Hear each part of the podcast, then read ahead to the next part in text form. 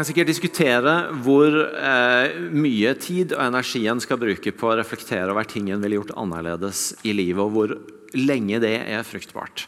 Den diskusjonen tar vi ikke nå, men hvis jeg skal gjøre en liten øvelse på det, så vil jeg si at en av de tingene som jeg vet at jeg ser meg tilbake og kunne ønsket at var annerledes i mitt liv, det er alle de gangene jeg har latt meg være styrt utenfra. Alle de gangene jeg har latt meg styre av ting som er utafor, og som har fått lov til å bestemme eller styre eller gi retning for hvilke valg jeg har tatt, hvilke responser jeg har gitt, hvilke ord jeg har brukt, eh, på ulike måter. Hva betyr det for meg når jeg sier å være styrt utenfra? Jo, I mitt tilfelle så tror jeg nok det betyr sånne ting som å være styrt av hva andre forventer av meg. Eller å være styrt av et ønske om å få til noe, om å lykkes med noe, om å, om å kunne ha en god historie å fortelle om et eller annet som en fikk til. Eller det å ikke dumme seg ut. Det å ikke sette seg sjøl i en pinlig situasjon. Eller kanskje det å allerede ha satt seg sjøl i en pinlig situasjon og prøve å navigere seg rundt det. Jeg kunne sikkert gitt flere eksempler til dere, men det å for min del så er en del av de der tinga en sånn en fyr som liker å få ting til, jeg er ganske glad i harmoni. Jeg liker ikke så godt å gjøre folk sinte og sure. Det, der har du meg. og Det betyr at når jeg begynner å la meg styre utafra, så er det noen av de tinga som jeg har nevnt nå, som skjer. Så vet jeg at vi er forskjellige. og For mange av dere i rommet så kan nok det å bli styrt utafra se annerledes ut. Jeg vet at For noen av dere er det helt omvendt av noen av de tingene jeg har sagt nå. For noen av dere er det tvert imot nettopp det å eh, ønske om å være helt unik og annerledes som eh, noen ganger får en til å ta valg og gjøre noen responser. Det at jeg skal i hvert fall ikke være sånn som alle andre, og jeg skal i hvert fall ikke møte de forventningene folk setter på meg.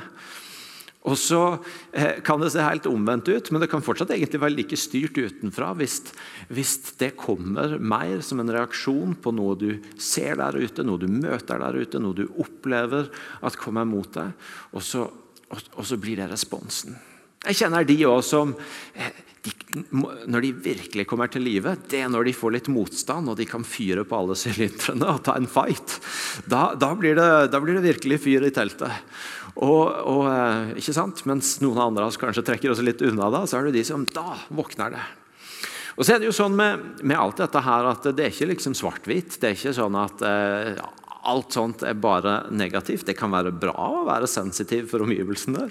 Det kan også være bra å ha en bevissthet på at jeg vil være meg sjøl. Jeg vil være unik. Jeg er unik. Det kan være bra å ja, få dynamikk i relasjon med andre. Så jeg sier ikke at det er svart-hvitt, alt er negativt. Men det jeg sier, er at jeg kan i hvert fall se i mitt eget liv at de gangene hvor jeg har vært styrt primært fra det som skjer der ute, og fra det jeg måtte ha opplevd av forventninger eller usikkerhet fra min egen side mot de, der, I det ligger det mye ufrihet. I det ligger det mye mangel på å få lov til å leve ut et liv i frihet, hvor en kjenner at her, her er jeg fri, og her får jeg leve i det som Gud har skapt meg til. Jeg kan tenke på ting det har eh, Hva skal vi si? Den mangelen på frihet har eh, frarøva meg. Eh, så kan jeg tenke på sånne ting som at ja, det har noen ganger hindra meg fra å faktisk kjenne etter. Hva er, hva, er det, hva er det Gud har kalt meg til å gjøre og være i livet generelt, eller i denne situasjonen her? Det kan ha tatt fra meg egentlig friheten til å se og møte mennesker rundt meg. fordi at eh, når jeg er fullt opptatt med å prøve å håndtere og respondere på det som skjer utafra, og kommer mot meg utafra, så er min kapasitet for å faktisk se og være oppmerksom på og møte de menneskene som står foran meg, ganske lav. For jeg har mer enn nok med å prøve å fokusere på, på de forventningene jeg sjøl skal møte, og de behovene jeg sjøl har for å klare å lykkes med dette prosjektet mitt. Det kan ha frarådd meg sånne ting som ærlighet, som igjen er en mulighet til å komme nærmere på folk. Det kan ha frarådd meg muligheten til å rett og slett be om hjelp. og prøve å klare livet litt mindre alene. Og så kan du fortsette å fylle ut lista. Jeg tror du tar poenget mitt. Det er noe med det å leve styrt utafra som eh, Jo da, det kan være ganger hvor det er absolutt fint å være i dialog med omverdenen, men hvor det likevel det er noe ufritt med det. Og så er det et kapittel i Bibelen som jeg er utrolig glad i. Og eh, eh, Jeg har talt over det her før. Det er jo sånn at Jeg driver og drar dere med på en sånn og mobiliserer titt og stadig for sånn å lese Bibelen på et år. og Det slo meg når jeg forberedte meg at dette kapittelet talte jeg over på denne tida i fjor òg. Eh, så hvis det skjer et par-tre ganger til, så får dere pirke i meg og si at du må finne deg en ny bibelleseplan. Eh, men jeg skal si noe annet i dag enn i fjor. Og dessuten så husker jeg det sikkert ikke det jeg sa i fjor. Eh, Romerne 12 det er, det er et kapittel i Bibelen som jeg er veldig veldig glad i. Og Det begynner med å si Derfor formaner jeg dere ved Guds barmhjertighet, søsken. Bær kroppen fram som et levende og hellig offer til glede for Gud. Det skal være deres åndelige gudstjeneste. Og så kommer det. Innrett dere ikke etter den nåværende verden, men la dere forvandle ved at sinnet fornyes, så dere kan dømme om hva som er Guds vilje, det gode, det som er til glede for Gud, det fullkomne. La dere forvandle ved at sinnet fornyes. La det skje en forvandling i dere på innsida som, eh, som gjør at Eller la det skjer noe på innsida. Sinnet fornyes, og ved det så blir dere forvandla. Noe av det mest fantastiske med å være en Jesus-etterfølger, med å følge og tro på Jesus, det er at det er en invitasjon til å leve et liv som kommer fra innsida og ut, i stedet for å leve i en kontinuerlig respons med de ulike setupene vi har for det, på det som måtte komme mot oss utafra. Vi er invitert til å ta imot et liv hvor det som det som vi lever, det som vi er, det som blir retninga på livet vårt, det skal ikke bare bli styrt av hva andre måtte forvente, eller hva som måtte være normer, regler, krav. Men det er meint, invitasjonen er at det skal få lov til å skje noe på innsida vår som gjør at det som kommer ut, det kommer innenfra. Og ikke bare som en respons på et eller annet der ute. Og Så sier Paulus at det skjer ikke. Han sier ikke 'skjerp dere og lev mer innenfra'. Men han sier, 'Kom fram for Gud med kroppen deres, med livet deres som et offer.' 'Og la dere forvandle ved at sinnet fornyes.' Ikke skjerp dere, men, men still dere fram for Han som, som kalles deres far. Han som vil dere godt, han som har skapt dere, han som kjenner dere bedre enn noen annen, han som kjente dere før dere ble farma i mors mage. Og la han få begynne å forvandle dere på innsida. Sånn at det som kommer ut av dere, det kommer fra innsida. Det er indre motivert, det er styrt av, av, et sinn, av et hjerte, av et liv som han har forvandla fra innsida og ut. Og det er noe som jeg tror er på Guds hjerte for oss. Det tror jeg er et godt sted å begynne ved inn i et nytt semester, et nytt arbeidsår. Det å få lov til å høre en invitasjon til at ah, kanskje er det noen ting i mitt liv hvor jeg veit at jeg, styres, jeg lever ikke så helt fritt. Jeg styres ganske mye av andres forventninger, andres press, mine, mine, egne ønsker om å innfri et eller annet, eller min egen frykt for et eller annet. Men det livet Gud inviterer meg til, det er et annet. Og medisinen er ikke å skjerpe meg, men det er å stille meg inn for Han og begynne å la Han få jobbe på innsida mi. Sånn at det som kommer ut, kan være fra en annen kilde å ha en annen smak og en annen varighet, fordi det kommer fra et annet sted og en annen motivasjon. Og Hva er det som skjer, da? Hele kapittel 12 er en fantastisk meditasjon over noe av det jeg tenker. Jeg. Og Jeg skal ikke, jeg skal ikke liksom ta vers for vers og undervise grundig, men jeg har lyst til å peke på noen ting som vi ser her, noe av den forvandlinga som skjer i måten vi ser verden på, lever livet på og møter ting i vår virkelighet på. Når Gud får lov til å gjøre den jobben, som ikke er en alltid engangsjobb eller et på ett punkt. Jeg tror ikke det er noen her inne som bare lever fra innsida ut, og det er antagelig heller ingen som bare lever fra utsida eh, sine forventninger. Det er en prosess som pågår i livet vårt. ikke sant? Og Det første som står, det leste jeg allerede. Der står så dere kan dømme hva som er Guds vilje. Det gode, det som er til glede for Gud. Det fullkomne. Det er noe av det første som begynner å skje når Gud får gjøre en forvandling på innsida vår, i stedet for at vi lever i respons på utsidas forventninger. Nemlig at vi får bedre syn. Vi får bedre syn for hva som er Guds vilje, for hva som er godt, for hva som er fullkomment. Og jeg tenker i hvert fall at det trenger jeg i den virkeligheten jeg lever i. Det trenger jeg i summen av de inntrykkene som møter jeg med i min hverdag, i verden rundt meg, i mediene, i, i menneskemøter, i alt. Gud, hva er det her som er ekte? Hva er det som er sant? Hva er det som er godt? Hva er forskjellen på det som er gode imitasjoner, og det som er de ekte greiene? Hva er fine tanker om tinga, og hva er Guds vilje og det fullkomne? Jo da, jeg er prest, jeg bruker tid på å lese Bibelen og be, jeg har studert teologi og alt, men jeg skal være ærlig og si, jeg er noen ganger forvirra. Hva er det som er det gode og Guds vilje og fullkomne? Jeg trenger en fornyelse fra innsida for å få et syn som gjør at jeg klarer å skjelne i alt som møter meg. Ja, men dette Gud. Dette er det gode i ditt rike. Dette er det fullkomne. Dette er din vilje. Og Det har jeg lyst til å ha tak i. Jeg har ikke lyst til å ha tak i nesten eller imitasjoner eller godt ei stund, men ikke inn i evigheten. Kjære Gud, forny innsida mi, så jeg evner å se de verdiene som er av varig verdi. Og ikke de som bare glimrer ei lita stund. Og Så fortsetter Paulus med å si ved den nåde jeg har fått, sier jeg til hver enkelt av dere Tenk ikke for store tanker om deg sjøl, men tenk sindig. Hver og en skal holde seg til det mål av tro som Gud har gitt han. Dette er ikke Paulus sitt antydningsvise forsøk til jantelov. At du ikke skal tenke for stort om deg sjøl eller noen andre. Men han sier hver og en skal holde seg til det mål av tro som Gud har gitt han. Tenk ikke for store tanker om deg sjøl, men tenk sindig. Og så hver og en skal holde seg til det målet av tro som Gud har gitt han.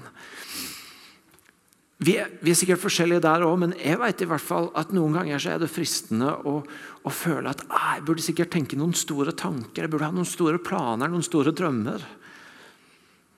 Det er et av de utfordrende spørsmålene en av og til får når en har den jobben jeg har. For da føler en en bør ha en stor visjon og melde. ikke sant? Og Noen ganger så har en det, og andre ganger så er en litt mer usikker på hva lever akkurat nå. Og så er det noe befriende når Paulus sier nei, men ikke, ikke tenk for stort på egen hånd, men hold deg til det mål av tro som Gud har gitt deg.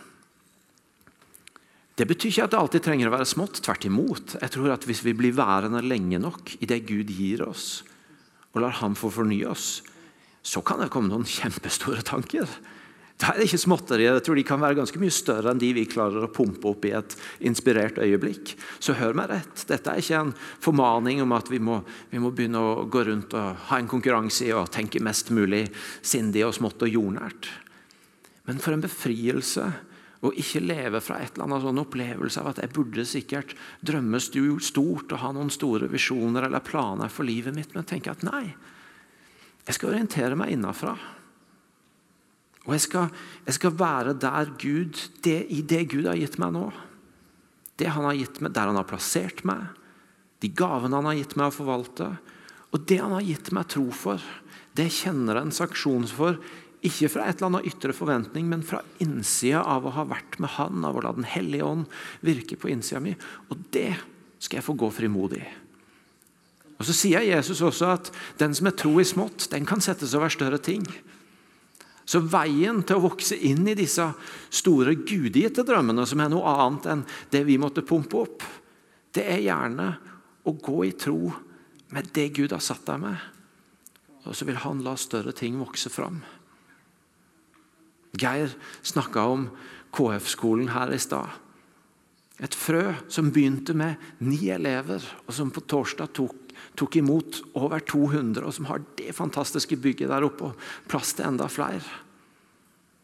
Det har vært mye troskap i starten av den reisen. og så har det fått vokse noe stort fram. Vær fri til å leve med det et mål av tro Gud har gitt deg, i forventning til at når du forvalter det med troskap, så vil han la større ting få vokse fram i livet ditt. Og husk på at ikke alltid er Guds bedømmelse av hva som er stort og smått, det samme som verden rundt. Så det er faktisk ikke sikkert at større tall, eller mer eller flere, betyr at drømmene er blitt større. Det kan hende at det er større forvandling i ett menneskes liv. At det med ytre verdensøyne kan se smått ut, men i Guds rikes øyne er hele forskjellen. Hold deg til det målet av tro som Gud har gitt. Og så er det noen herlige vers og utfordrende vers i, fra kapittel 6 til 11. Jeg har bare lyst til å lese gjennom det med dere. Vi har forskjellige nådegaver, alt etter den nåde Gud har gitt oss. Den som har profetisk gave, skal bruke den i samsvar med troen. Den som har en tjeneste, skal ta seg av sin tjeneste. Den som er lærer, skal undervise. Og den som trøster, skal virkelig trøste. Den som gir av sitt eget, skal gjøre det uten baktanker. Den som er satt til å lede, skal gjøre det med iver. Den som viser barmhjertighet, skal gjøre det med glede. La kjærligheten være oppriktig. Avskynd det onde, hold dere til det gode.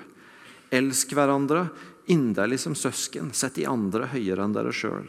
Vær ikke lunkne, men ivrige. Vær brennende i ånden. Tjen Herren. Wow! Paulus sier, 'Lev med hjertet'. Bruk de gavene du har fått med hjertet. Og Vi snakker mye i denne menigheten om at vi har lyst til å være en, en familie. Og, har, og, og, noe av det som ligger i dette denne tenkninga, denne forståelsen, denne måten å, å, se hverandre på som fellesskap, som, som, ligger i dette familiespråket, det er at vi har lyst til å være et sted hvor du er fri til å, til å leve ut det Gud har lagt i livet ditt, med hele hjertet. Ikke føle at jeg må, ah, jeg må sikkert dempe meg litt, for det blir litt mye. Ja, det kan bli mye. Hvis det er sånne ytremotiverte 'nå skal jeg vise eller imponere' eller et eller annet. Men hvis vi har med det jeg sa i stad, det å få komme med hjertet inn i og, og, og tjene og undervise og ha barmhjertighet osv., alle de tingene som ble lista opp ja, Du er fri når du lever innenfra, til å komme med hele hjertet ditt inn i det Gud har lagt på deg, inn i den gaven han har lagt i livet ditt, inn i den tjenesten han har satt deg i. Så fantastisk. Jeg kan si fra mitt eget liv at, at noe av det minst livaktige jeg kan kjenne, det er de gangene jeg er i en posisjon hvor jeg kjenner at nå lever jeg De tingene jeg gjør, de gjør jeg halvhjerta. Det er det ikke mye frihet i. Men når det får lov til å skje noe på innsida som gjør at jeg kan legge hjertet mitt i det Gud har gitt meg, ja, da er det fantastisk å få være med og tjene i Guds rike. Og så står det um, Gled dere med de glade, og gråt med de som gråter. Det tror jeg faktisk også er noe av det som skjer når vi får leve fra innsida og ut. Nemlig at det blir plass til å se mennesker. Når vi blir satt fri fra å leve i en kontinuerlig respons på omverdenen, og i stedet får leve ut fra ah, Her er jeg. Dette er det Gud har satt meg til. Dette er det Gud har lagt på mitt hjerte. Så er det jo rom i blikket mitt til å se verden rundt. Til å se mennesker som kommer. Gled dere med de glade, gråt med de som gråter. Det er ikke skummelt at noen andre er glad for det om jeg ikke er helt oppe på toppen. Jeg kan få lov til å være glad med de. Og Jeg trenger ikke føle at min glede, glede nødvendigvis blir tatt fra meg av at noen er nede. Men jeg kan få lov til å stille meg ved siden av dem og få være med dem i det de opplever. Det er det lite plass til hvis jeg har mer enn nok med meg sjøl. Hvis fri, den friheten da, i fornyelsen innenfra er kommet, ja, så er det mer plass til en sånn respons. Og Til slutt så får jeg lyst, lov til å leve ut fra de verdiene som Gud har lagt ned i livet vårt. Det står 'Gjengjeld ikke ondt med ondt'. Ha tanke for det som er godt for alle mennesker. Hold fred med alle om det er mulig, så langt det står til dere. Ta ikke hevn, mine kjære, men overlat vreden til Gud. Tenk å ikke være At de verdiene en skal leve livet ut fra, ikke trenger å være styrt av hva andre gjør. Men, men du har hatt en fornyelse som gjør at nei, men jeg er fri til å leve i de verdiene Gud har lagt som fundament i mitt liv, uavhengig av hva som møter jeg med. Å ja. Så du velger å gjøre det mot meg? Ok. Men jeg er fri til å velge en annen respons tilbake. Jeg er faktisk ikke bundet om du har lyst til å eskalere den konflikten eller den diskusjonen eller den måten. Jeg er fri til å velge en annen vei. Og så vet jeg det, at Når jeg står her og formidler dette, så går det an å høre på to måter. Det går an å høre som en, som en standard som føles helt uoppnåelig. Å ja, det var litt et liv han sto der og tegna opp. Det er et stykke fra min virkelighet. Og noen ganger er det greit. Noen ganger er det greit å være i kontakt med at Nei, men jeg kommer til kort. I meg sjøl så, så når jeg lista.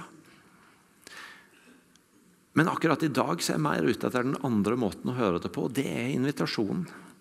Det er ikke krava, det er ikke, det er ikke lista du ikke når opp til. Det er ingenting av det jeg har sagt her som du skal komme tilbake om ei uke eller to og melde om. Får du det til eller ikke? Men en invitasjon til å være inngangen til et nytt semester, et nytt arbeidsår. og Ta en liten sånn på Gud. Hvor er det jeg lever egentlig mer styrt av det som er der ute? enn av det livet du ønsker å ta meg inn i her inne. Og så er det livet som Paulus tegner opp, og som jeg har prøvd å gi noen riss av nå, ikke et krav, men et liv i frihet. Etter hvert som han gjør sin gjerning på innsida. Og jeg tror at vi lever i ei tid som mer enn noe egentlig trenger mennesker som, som kan leve fra innsida ut. En verden som trenger mennesker som har øyne til å se det gode, Guds vilje, det fullkomne. Som er villig til å leve med den bærekraften og levedyktigheten. Et liv målbært av at en, er, en lever ut fra den troen Gud har gitt, og de gavene Gud har lagt ned. Og ikke minst mennesker som har plass til å ta inn det som møter en i verden rundt. Og la hjertet berøres av det, og komme med en respons innenfra til det. Og Med det sagt så har jeg lyst til, og jeg har kjent på når jeg har bedt for i dag, å gjøre et lite hopp som kanskje er litt stort fra det jeg har snakka om nå, men samtidig ikke. fordi at det jeg egentlig snakker om, det er å la Gud få gjøre noe på innsida, sånn at du er satt fri til å la deg berøre av det du møter i verden rundt, og få gi en, gi en gudsrik respons på det. Ikke en burde, skulle eller 'jeg gjemmer meg, for jeg orker ikke', men en en gudsrike respons som kommer innenfra når hjertet ditt berøres av noe som møter deg i denne verden. Og Veldig ofte og for mange av oss vil det handle om nære ting rundt oss. Naboen, kollegaen, ting i vår by. Og Så har jeg bare denne uka kjent at det er et eller annet vi skal også få lov til å forholde oss i, som handler om den store verden vi er en del av. Men to ting jeg har lyst til å eksponere dere for, og at vi skal få lov til å be litt inn i, og som kan stå der som en illustrasjon på det å, det å få lov til å stoppe opp og bare Å, Gud, la dette møte og berøre hjertet mitt på en sånn måte at på en eller annen liten eller stor måte kan få lov til å respondere med et Guds rike blikk. Og Det første er det vi har, fleste av oss har fått se på nyhetene eh, denne uka fra Afghanistan. Jeg tror at, eh, jeg kan i hvert fall si at For meg så har det gjort et dypt inntrykk å se hvordan en situasjon kan bli destabilisert så raskt. Hvordan så mange menneskers liv kan bli snudd på hodet. Se flukten fra mennesker ut av landet. Se desperate folk som prøver å klamre seg fast til et fly fra utsida. Og så skal ikke jeg stå her og prøve å være noen sånn uh, nyhetsekspert som, som, som legger noe ut om den situasjonen. Men det er jo sånn at vi har mennesker i vårt fellesskap som, som er berørt av det. Jeg har lyst til at dere skal få møte Omid. Han syns det er litt utfordrende å komme opp hit og snakke norsk, så dere må klappe han fram selv om vi skal snakke om noe litt alvorlig.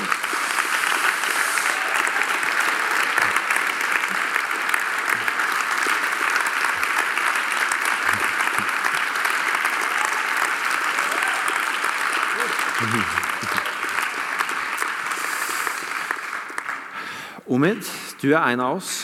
Du kom hit i 2015. Um, men du er fra Afghanistan. Og du har fortsatt familie der. Si litt om hvordan din familie er berørt av det som nå skjer i Afghanistan. Åh, det er farlig, faktisk. Er, Du må holde mikrofonen litt høyere, og så kan du snu deg litt mer mot folka. ja. Ok, se på meg, da. Da gjør vi det sånn. ja. Nei, men jeg, jeg for eh, noen dager siden eh, eh, ble drept eh, onkelen min i Afghanistan. Og jeg, jeg er veldig lei det faktisk nå. Og eh, eh, jeg har bare en søster som bor i Afghanistan. Og eh, jeg er bekymra for henne òg. Pga.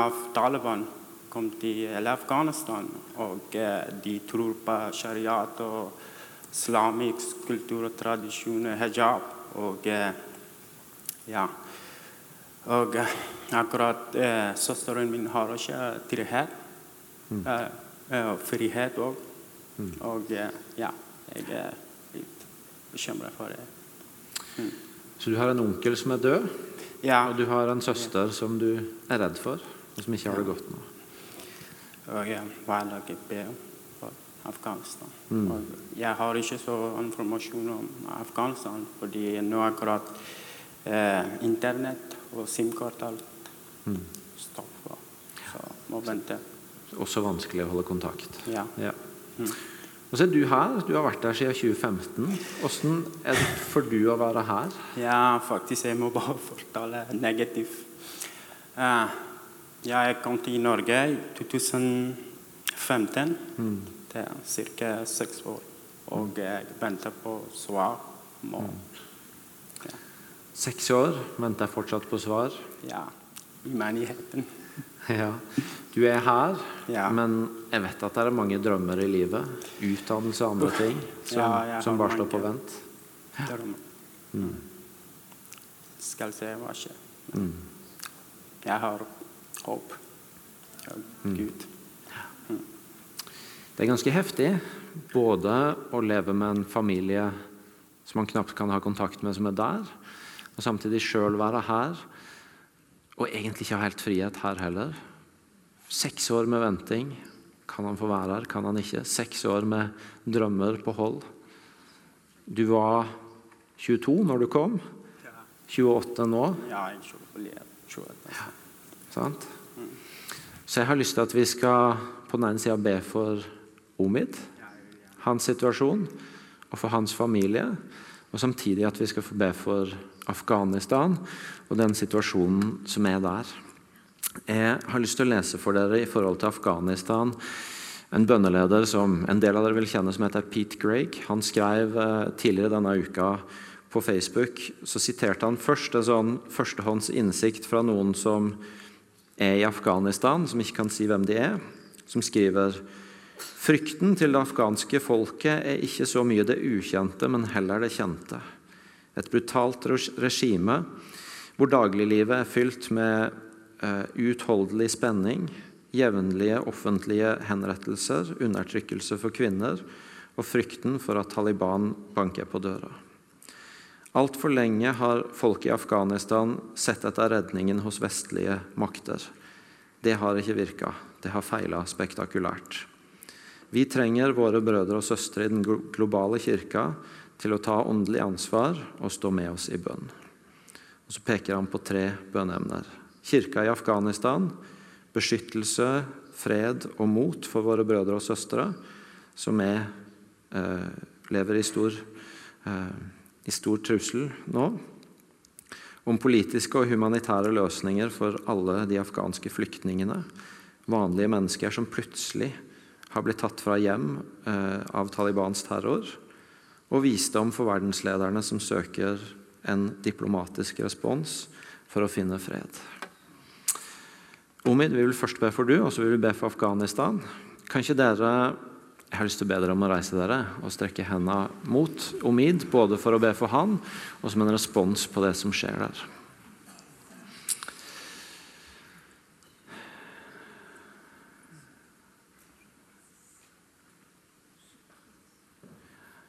God far, Vi har lyst til å begynne med å be deg for Omid og for hans familie. Vær med hans søster og de han har i Afghanistan, som han vet har det vanskelig nå, men ikke kan ha kontakt med. Vi ber deg om din beskyttelse, din redning, din vei, dine løsninger i det som for oss ser helt umulig ut.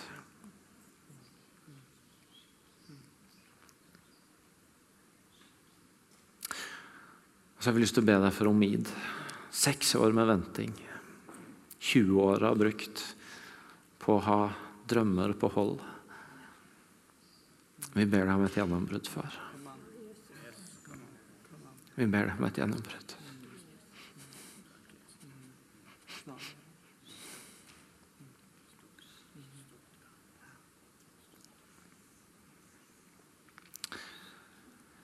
Så ber vi deg for hele situasjonen i Afghanistan. For våre brødre og søstre der. Om fred og mot og beskyttelse.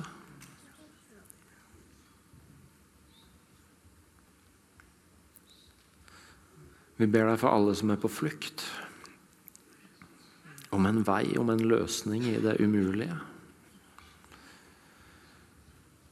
Og vi ber deg for de lederne som har mulighet til å finne løsninger, om visdom og mot og nøkler til å finne en vei.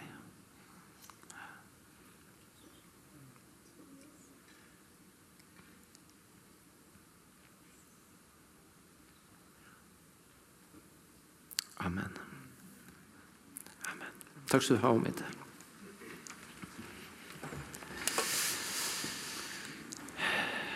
Andre jeg har lyst til at dere skal møte, er Som Stiv var inne på, så får vi også gjennom Agenda 1 være en del av et nettverk andre steder i verden hvor vi ser at det har gjort inntrykk på meg denne uka på den ene sida å lese intervju med norske ledere som sier at nå er vi snart ferdig med covid. Og så sitter du og snakker med ledere som vi er tett knytta med andre steder i verden, og så står de midt i det. Så jeg har lyst til at dere skal få møte Bukk. Dere må gi en applaus til henne på vei fram. Kom an, Bård.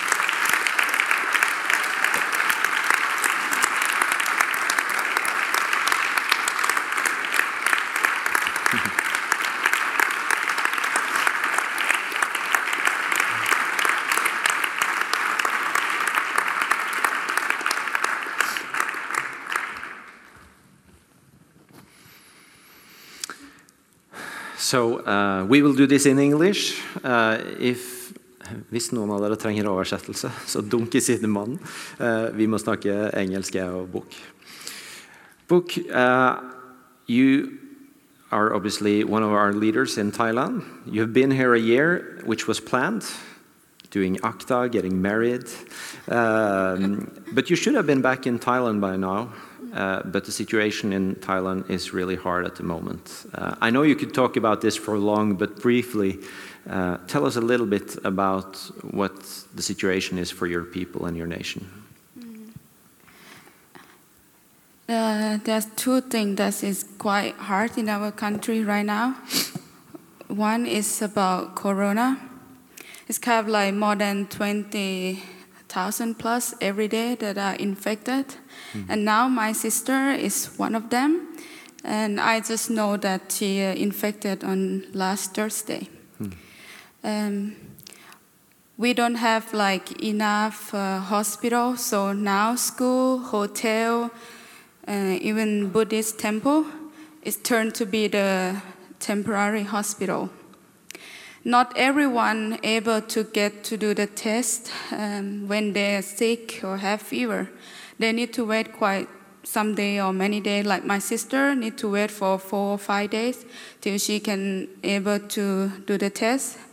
And today her boss uh, died because it's hard for her to to wait and get the test. Mm. When she found that she have COVID, then just the day after she just hmm. not able to fight with it anymore. So it's kind of hard in our country. It's um, and also with the politics, it's harder and harder every day.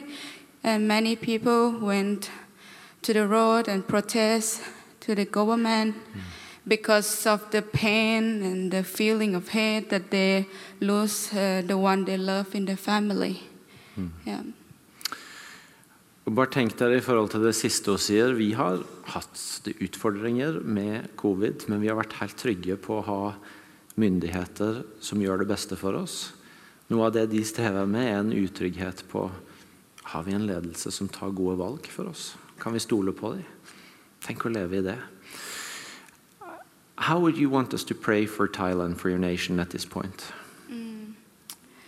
For me lately, I feel like many times when we are Christian, we often think about how can we be better, how can we make our church better.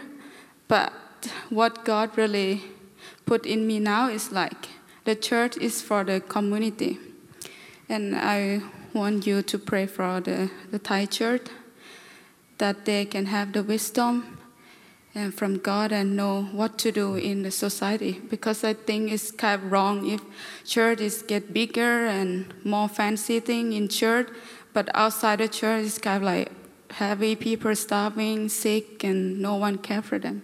Hmm. Yeah, so pray for the wisdom for the church. We will. Yeah. So la oss stå igjen og be.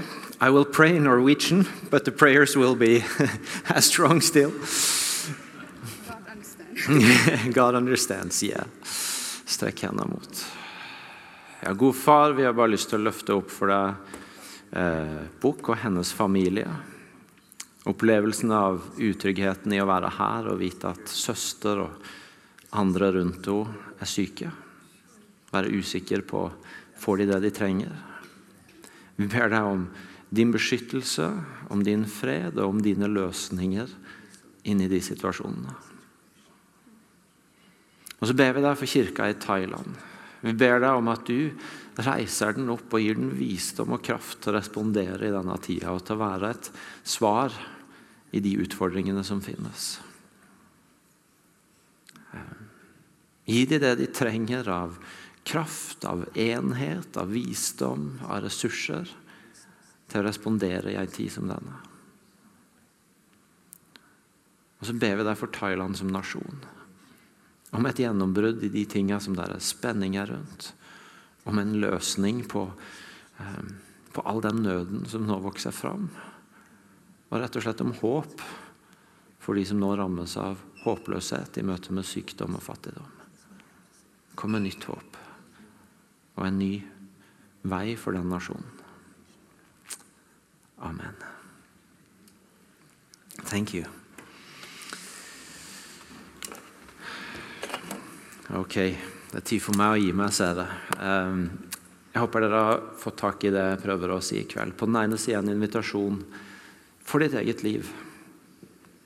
Kanskje blir du oppmerksom på steder hvor du er ytre styrt, og hvor Gud inviterer deg ved det ordet i kveld til å Gud, kom, kom nær. La meg få gjøre noe nytt på innsida di som tar deg til en større frihet. Hvor i ditt liv er det kanskje Gud vil sette deg fri, sånn at du kan, kan få frigjort kapasitet til å heller respondere med hjertet ditt på det som møter deg i ditt liv, i denne byen, i denne verden. Og på den andre sida kallet til oss som kirke og som etterfølgere av Jesus til å nettopp ha åpne hjerter i en tid som denne. I en verden hvor dette er to eksempler fra vårt eget fellesskap. Både på at de er her hos oss, men det er også situasjoner der ute som trenger ei kirke som har åpne hjerter for å respondere. Så skal vi reise oss opp og be sammen.